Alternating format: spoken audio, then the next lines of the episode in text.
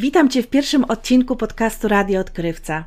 Ja nazywam się Agnieszka Gajewska i w tym wywiadzie rozmawiam z Urszulą Mitrencis-Janiszewską, współwłaścicielką gabinetu Synergia, pomagającego osobom z obszaru uzależnień i ich rodzinom. Ula w wywiadzie dzieli się swoimi doświadczeniami z otwierania gabinetu na emigracji. Opowiada, dlaczego tak wysoko ceni terapię online i przekazuje bardzo ważne wskazówki dla osób dopiero rozpoczynających przygodę z własnym biznesem psychoterapeutycznym. Zapraszam!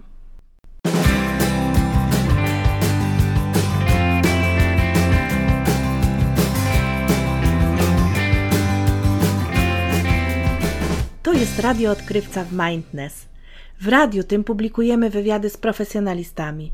Rozmawiamy na tematy związane z rozkręcaniem gabinetów psychoterapeutycznych i coachingowych oddzielenia się doświadczeniem z rozwoju gabinetów poprzez księgowość, przedsiębiorczość, zarządzanie ludźmi aż po prawo.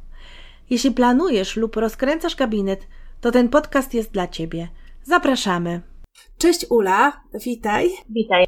Bardzo się cieszę, że zgodziłaś się udzielić nam wywiadu i będziesz pierwszą osobą, która występuje w Radiu Odkrywca, także tym bardziej jest to dla mnie niesamowite przeżycie. No, ja też bardzo Ci dziękuję za zaproszenie, w ogóle za zaufanie.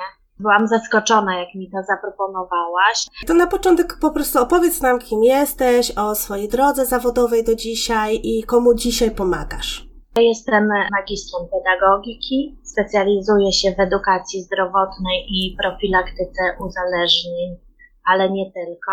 Od 2005 roku pracowałam w ośrodku terapii uzależnień w Olcha. Na początku nie zajmowałam się terapią, bardziej organizacją ośrodka w trybie takim ambulatoryjnym, ale też i współuczestniczyłam w organizowaniu ośrodka stacjonarnego, który jest w Wesołej. Dopiero po jakimś czasie, po skończeniu różnych szkoleń, szkoły, podjęłam pracę jako terapeuta, oczywiście indywidualnie, grupowo i w stacjonarnym ośrodku i zaczęłam pomagać może na tamten moment osobom uzależnionym od alkoholu, narkotyków, leków i hazardu. Później zaczęłam mieć doświadczenia z osobami współzależnionymi. Od trzech lat prowadzimy z mężem, bo przeprowadziliśmy się z Warszawy do, do Antwerpii i założyliśmy tutaj gabinet terapii uzależnień i pomocy rodzinie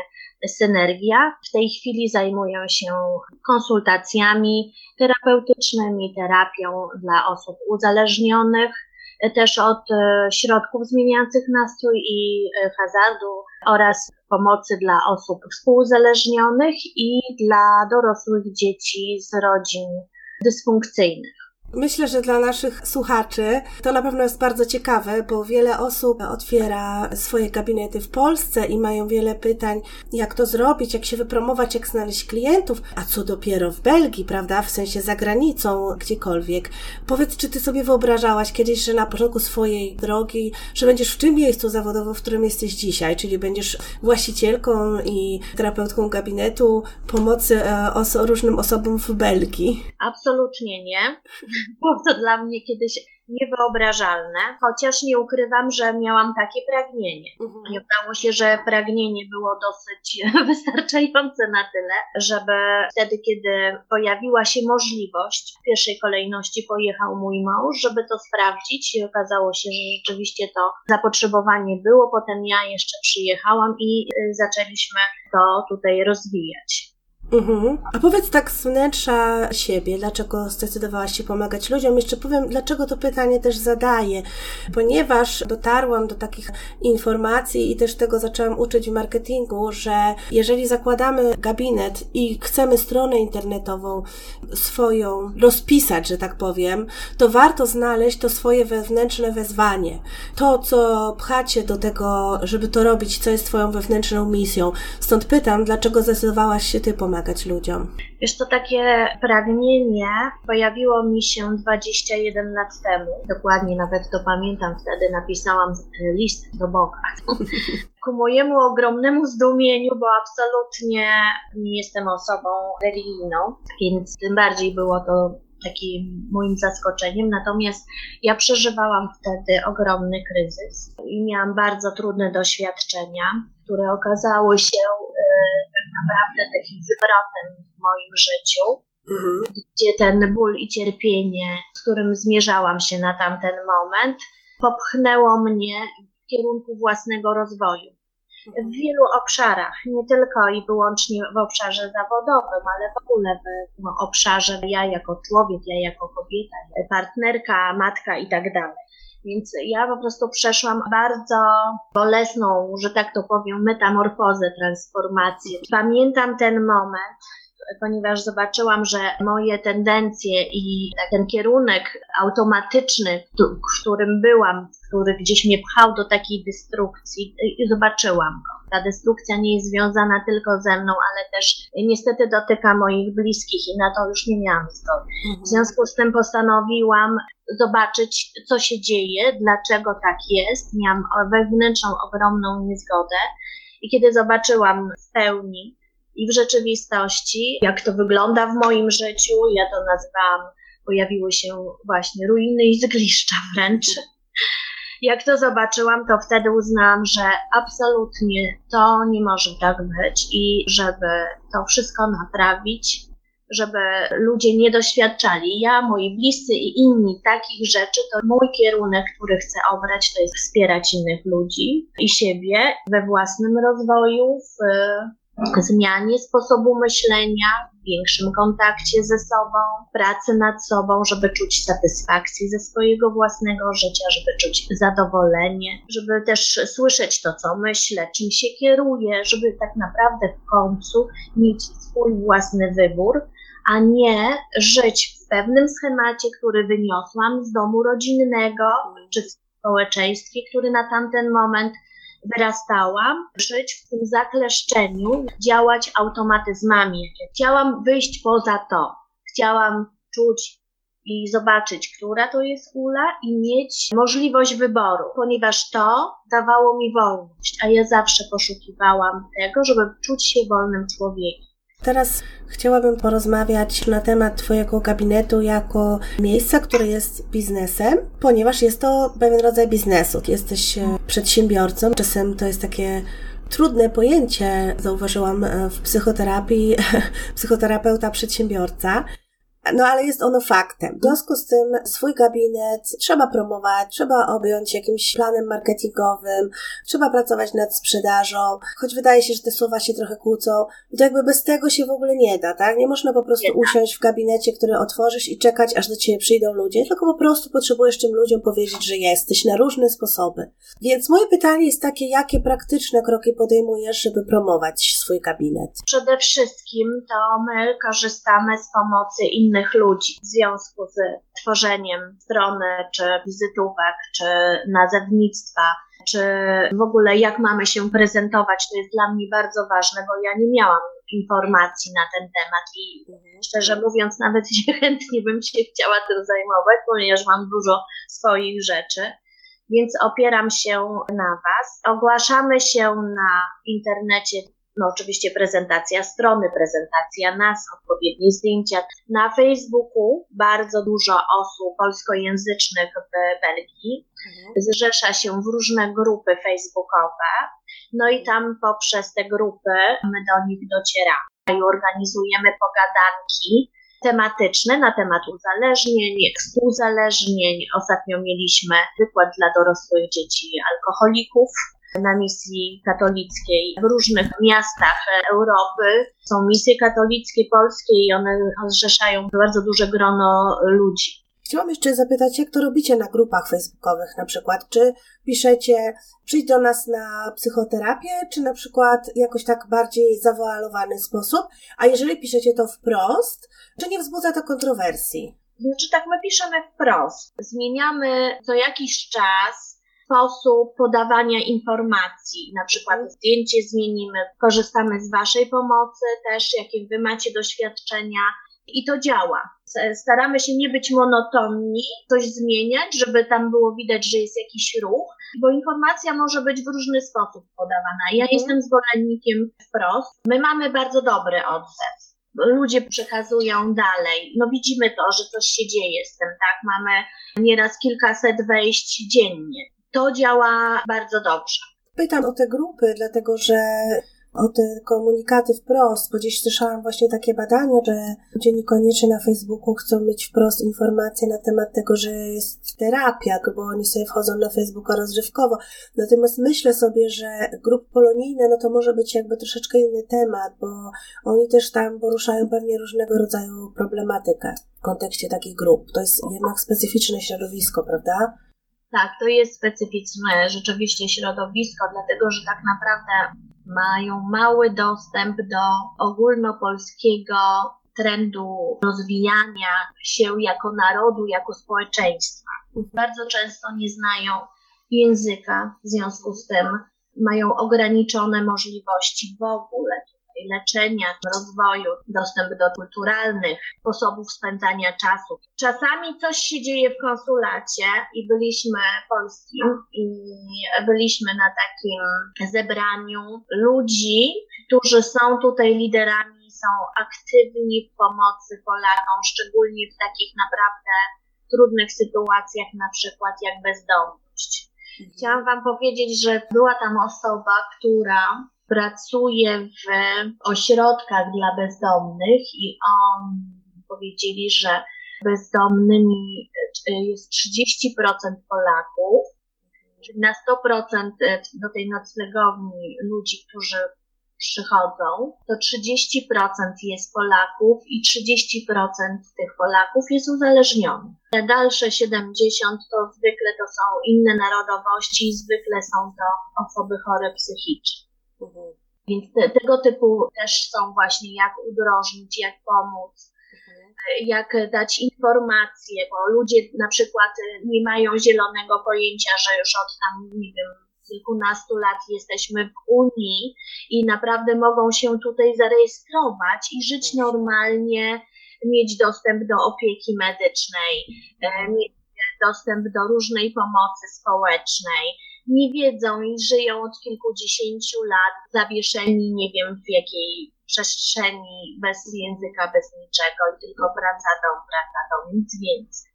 No tak, to jest na pewno duża przestrzeń dla Was do pracy i do dotarcia właśnie do tych ludzi. A powiedz mi o te pogadanki Cię chciałam zapytać. Czy mhm. sami je inicjujecie i na przykład gdzieś dzwonicie, proponujecie taki wykład, czy po prostu się do Was zgłaszają? Bardzo często do nas się zgłaszają i to mhm. jest dobra informacja.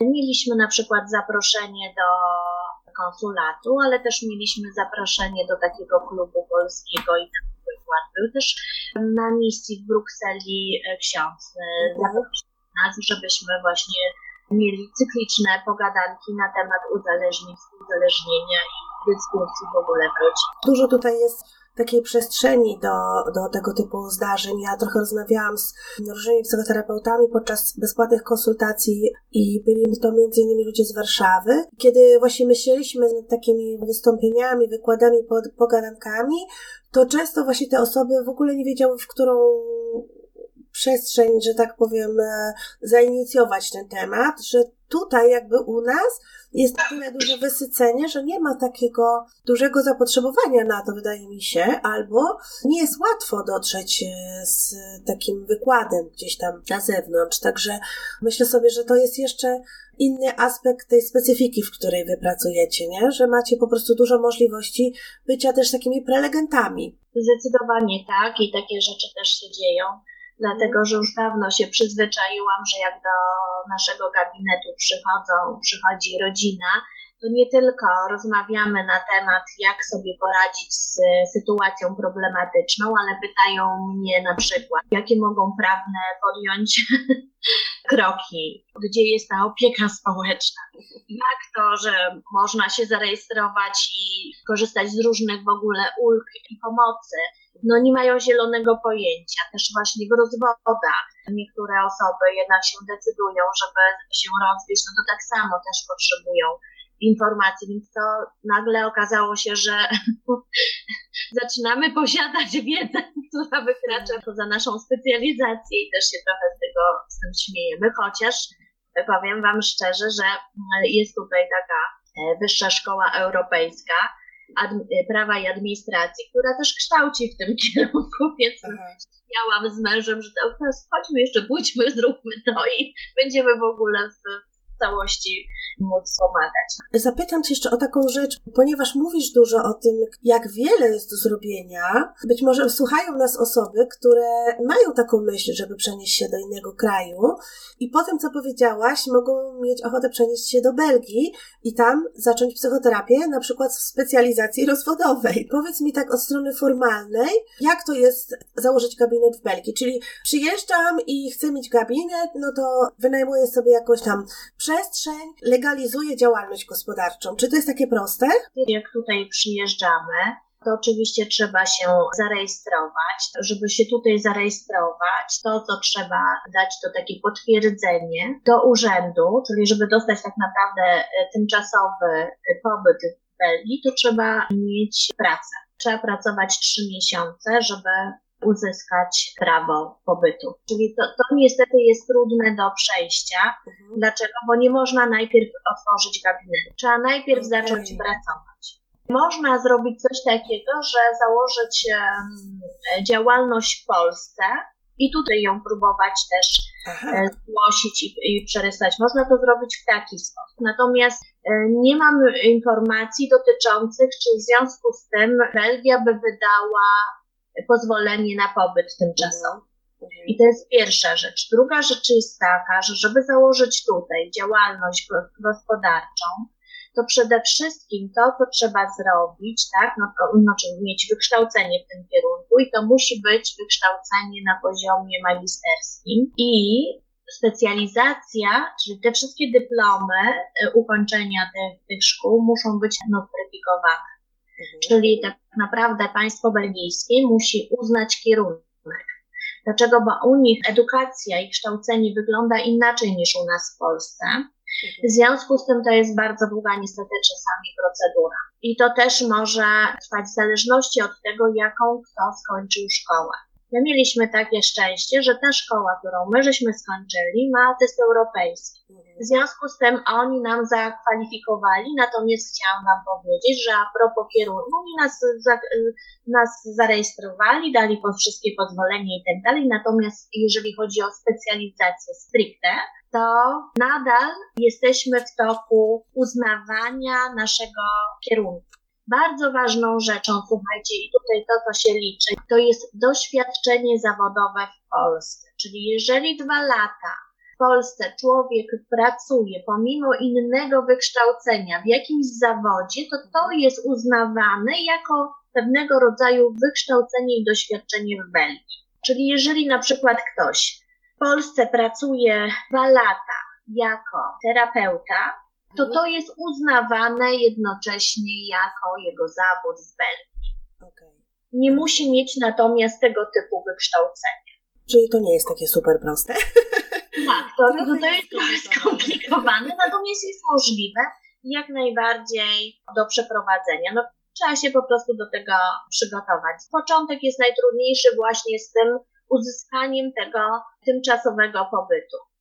Ula, a powiedz mi, czy w związku z tym wy na przykład macie takie plany, żeby poszerzyć swoją działalność i zatrudnić jakichś innych specjalistów, którzy zajmą się właśnie takimi obszarami, których wy na przykład nie robicie, a ci ludzie mogliby zaspokoić te, te potrzeby tych imigrantów? Tak, jak najbardziej. W tej chwili mamy dwie dziewczyny, które są pedagogzkami i one zajmują się dziećmi łącznie tam z dyslekcją, jakimiś dysfunkcjami, stanami depresyjnymi, czy jakąś problematyką w szkole.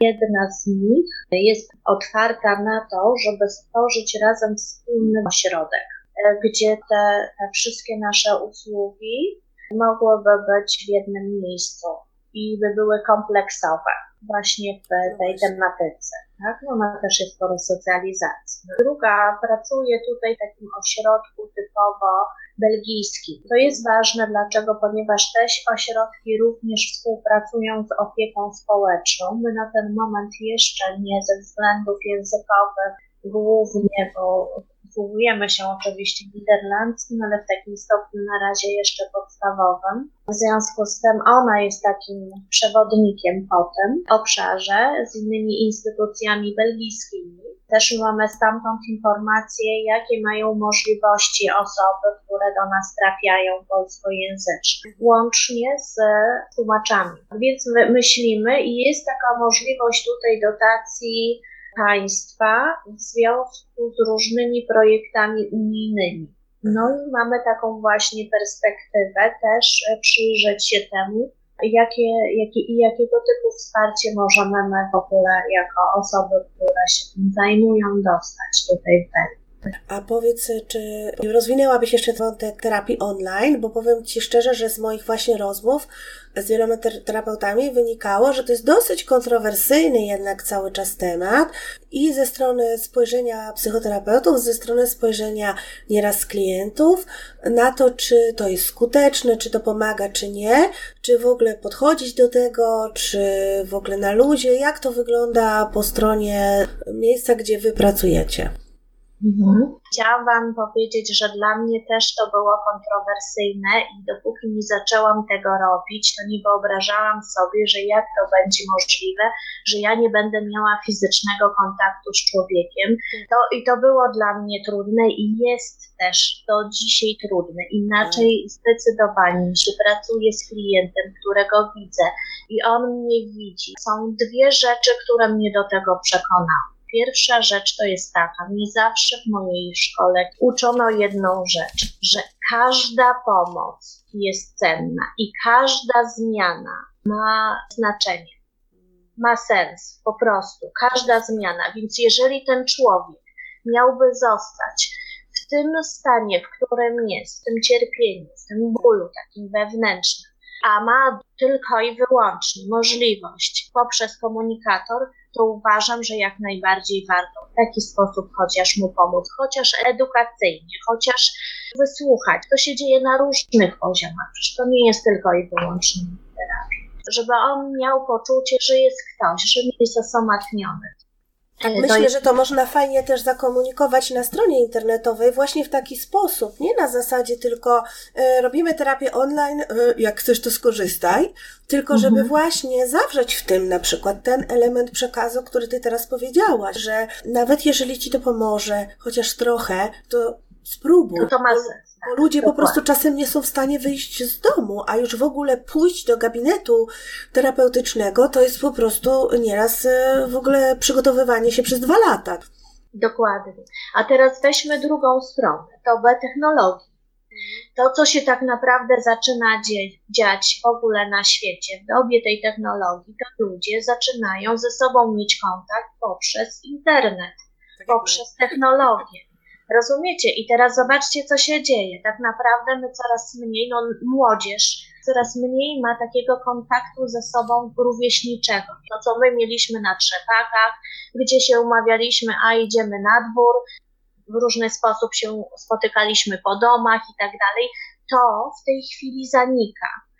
Jak matka mi mówi, ja mu zabiorę komputer, on, bo on za długo tam siedzi, ja mówię, weź pod uwagę jedną rzecz, że on poprzez ten komputer ma kontakt z grupą rówieśniczą. Oni nie wychodzą, oni się przez to komunikują, dlatego tak jest. Oczywiście, że to jest niebezpieczne. Młode pokolenie rośnie na pokolenie, które będzie się w tego typu sposób komunikować, to tym bardziej my jako terapeuci musimy pójść też za tym, żeby mieć, żeby docierać jakoś do nich no w jakikolwiek sposób. I to jest tak, z jednej strony to jest naprawdę trudny temat, no bo idzie w tym kierunku, że oni po prostu zaczynają tylko w komputerze siedzieć i w sieci być, jakie to problemy niesie, ale z drugiej strony niech ta sieć też da informacje, które chcą, czyli kiedy będą się źle czuli, to gdzie oni znajdą informacje na temat tego. I my musimy być po prostu też na to otwarci. Oczywiście ja słuchajcie, na pewno żywa terapia nie zmieni niczego. Zgadzam się całkowicie. Ale co robić z ludźmi, którzy w ten sposób w tej chwili i tylko pozyskują informacje i tylko się komunikują? Czy wychodzimy naprzeciw temu i potrzebom, które są, zaczynają być naprawdę bardzo realne? Czy będziemy naciskać na to, że to ma być w inny sposób? Albo na przykład, ja miałam bardzo dużo takich sytuacji, że zaczynaliśmy terapię na Skype'ie, kilka spotkań i potem okazało się, że ta osoba, poznając, widząc, co się tak naprawdę dzieje, jak te sesje wyglądają, nagle ona otworzyła się i mówi, słuchaj, to ja chcę do ciebie przyjść. Aha, to też ciekawe. No, tak na przykład w taki iść. sposób. Nie, no tak. stopniowo, żebyśmy nie oczekiwali od razu, nie wiadomo jakie to muszą być warunki. Mhm. Powolutku niech ci ludzie się przyzwyczają do nas, do tego systemu, że a może przyjechać, a może trochę porozmawiać tak, a może gdzieś wyjść trochę, że to, to wszystko jest proces. Ja jestem za tym, żeby nie być w sztywnych jakichś takich ramach, żeby po prostu, żebyśmy byli otwarci na nowe możliwości i na zmianę tego świata, bo ona cały czas następuje. Ja pamiętam takie zdania, jedyna rzecz stała na tym świecie i we wszechświecie to jest zmiana. My potrzebujemy być na to gotowi. Jeżeli chodzi o terapię online, tu też są nowoczesne warianty. I chciałam Cię zapytać, co myślisz, na przykład, bo widziałam, spotkałam się z tym, o prowadzeniu takich bardzo krótkich form, bo to jest tak, po pierwsze wychodzimy naprzeciw ludziom, którzy są online, ale po drugie ludziom, którzy w ogóle nie mają czasu i są w strasznym biegu. I widziałam, że można robić sesje 15-minutowe. No wiesz, jaka człowiek starej daty. to wiadomo, że pierwsza rzecz, rozumiecie, co mi się włącza. Uuu, nie, ale z drugiej strony wiem jedną rzecz. Ja jestem dla klienta i on ma swoje potrzeby. I to też można zrobić stopniowo, czyli niech to będą 15-minutowe spotkania i patrzymy, czy to działa. Powolutku, każdy kontakt jest dobry. No właśnie, wracam. Każdy kontakt. Tak. Dokładnie, że to jest rozwój. Jeżeli takie zjawisko występuje, nie można powiedzieć, to jest złe, czy to jest dobre. To nie o to chodzi. My mamy się do tego jakoś ustosunkować i być na to otwarci. Chciałabym zapytać Cię, czym dla Ciebie, jako praktykującego psychoterapeuty, przedsiębiorcy, czyli znowu mamy tą kombinację, jest sukces, czyli nie chodzi mi tutaj o jakby sukces stricte związany z tym konkretnym klientem, który osiągnął coś w życiu, tylko jakby dla osoby, która pewnego rodzaju biznes w tym wszystkim prowadzi. Ja podchodzę do tego w taki sposób. Kiedyś kolega mi to powiedział i bardzo mi się to spodobało. Jeżeli robisz to, co kochasz, to nie będziesz musiał pracować. Ja w pełni mogę realizować swoje zasoby Aha. i rozwijać się w tym kierunku. To jest dla mnie sukces. A powiedz mi, jakie masz plany na przyszłość? Jaka jest wizja tego waszego miejsca? Bo tak trochę już wspomniałaś, że może otworzycie jakieś większe centrum, wynajmiecie, rozumiem, takie, gdzie będą pokoje. Do jakiego poziomu chcielibyście go, je rozwinąć? Czy tam ma pracować 5 osób, 10, 30? Czy to ma być terapia międzynarodowa? Na przykład, w jaką stronę planujecie rozwinąć się? Myślimy o tym, żeby współpracować przede wszystkim z belgijskimi urzędami, instytucjami, instytucjami. Aha. Ale w kontekście wykładów, czy żeby oni Wam przesyłali y, klientów? Nie, y, w kontekście współpracy w ogóle, czyli jak sobie radzić z osobami o tego typu problematyce, co można zrobić, co oni mogą, bo czasami jest tak, że są e, pary mieszane i to nie jest tylko i wyłącznie sprawa e, emigracji polskiej, ale to też jest e, sprawa Belgów, którzy często no, mają związki małżeńskie z Polakami, więc to jest tak. Myśleliśmy o tym, żeby to był taki ośrodek terapii uzależnień i pomocy rodzinom, który by mógł odpowiadać w pełni na potrzeby nie tylko osób polskojęzycznych, ale również i samych Belgów, którzy by chcieli oczywiście skorzystać z takiego ośrodka, żeby też tego typu potrzeby, jak na przykład jakieś informacje prawne, pomoc psychiatryczna. Też myśleliśmy o ośrodku stacjonarnym, w mieście myśleliśmy o takim ośrodku e, ambulatoryjnym. Bo tak pracowałaś według takiego też modelu i znasz ten model ze swojej poprzedniej pracy, prawda? Z tak, tak, tak, tak i to naprawdę bardzo dobrze tam działa. To na koniec jeszcze takie mam pytanie, czy chcesz coś przekazać, jakąś myśl, doświadczenie osobie, która nas słucha, a która jest na początku drogi, którą ty przeszłaś. Osoba, która planuje założyć własny gabinet, bo wiem, że, że wiele osób e, takich śledzi naszą stronę, trafiło do mnie na konsultacje i jest to taki temat bardzo na początku trudny, żeby na czymś się oprzeć. Mhm. Myślę sobie, że bardzo ważną rzeczą w tym to był taki mój kontakt z samą sobą. Patrzenie i obserwowanie, jakie mam opory, żeby to robić, jakie sobie stawiam przeszkody, świadomość tych przeszkód, ale nie w taki sposób, żeby one były przeszkodami, tylko żebym ja je przechodziła i wchodziła w rozwiązania danych sytuacji, czyli po prostu absolutnie, żeby się nie zafiksować na tych ograniczeniach, które na przykład widzę czy sobie stawiam, tylko jak te ograniczenia, które ewentualnie widzę, które mogą być moje wewnętrzne, tak, bo to są na przykład lęki, niepewność, a czy ja na przykład bardzo dużo miałam taką sferę, czy ja jestem dobrym specjalistą, czy ja nie jestem dobrym, zapytanie, nie? Później sobie odpowiedziałam, pytać, co to znaczy dobry, co to znaczy zły specjalista. Rób, zobaczymy, tak? No, pamiętam moją serdeczną koleżankę, terapeutkę, mi powiedziała, nie będziesz się, będziesz się bała troszeczkę mniej, jak, jak przejdziesz e, stół klientów. Dobre. tak, na przykład to mi powiedziała, nie? Ale też moja superwizorka powiedziała mi bardzo fajną rzecz. Dopóki masz wątpliwości, to jesteś dobrym terapeutą. no więc ja stwierdziłam, że całkiem nieźle chyba jest ze mną. Wątpliwości zawsze przychodzą. Bardzo fajne jest to, co powiedziałaś na, na końcu. Ja jakby miałam tak, że powiesz jedną myśl, a ty powiedziałaś ich wiele i to myślę, że dało wielu osobom fajną nadzieję. Pomału będziemy kończyć. Chciałam Ci też powiedzieć, że wspaniały ten wywiad z Tobą. Bardzo cenne informacje o Belgii. To jest też takie właśnie nietypowe, że e, to jest pierwszy wywiad, a on jest o gabinecie za granicą, ale myślę sobie, że z jednej strony tym trudniej za granicą jest rozpocząć biznes, a jednocześnie to też pokazuje, że, że można, mimo wielu obaw, zrobić to nawet w obcym kraju, w którym jak pojechaliście, nie znaliście nawet języka, a teraz macie ogromny sukces jako gabinet Synergia.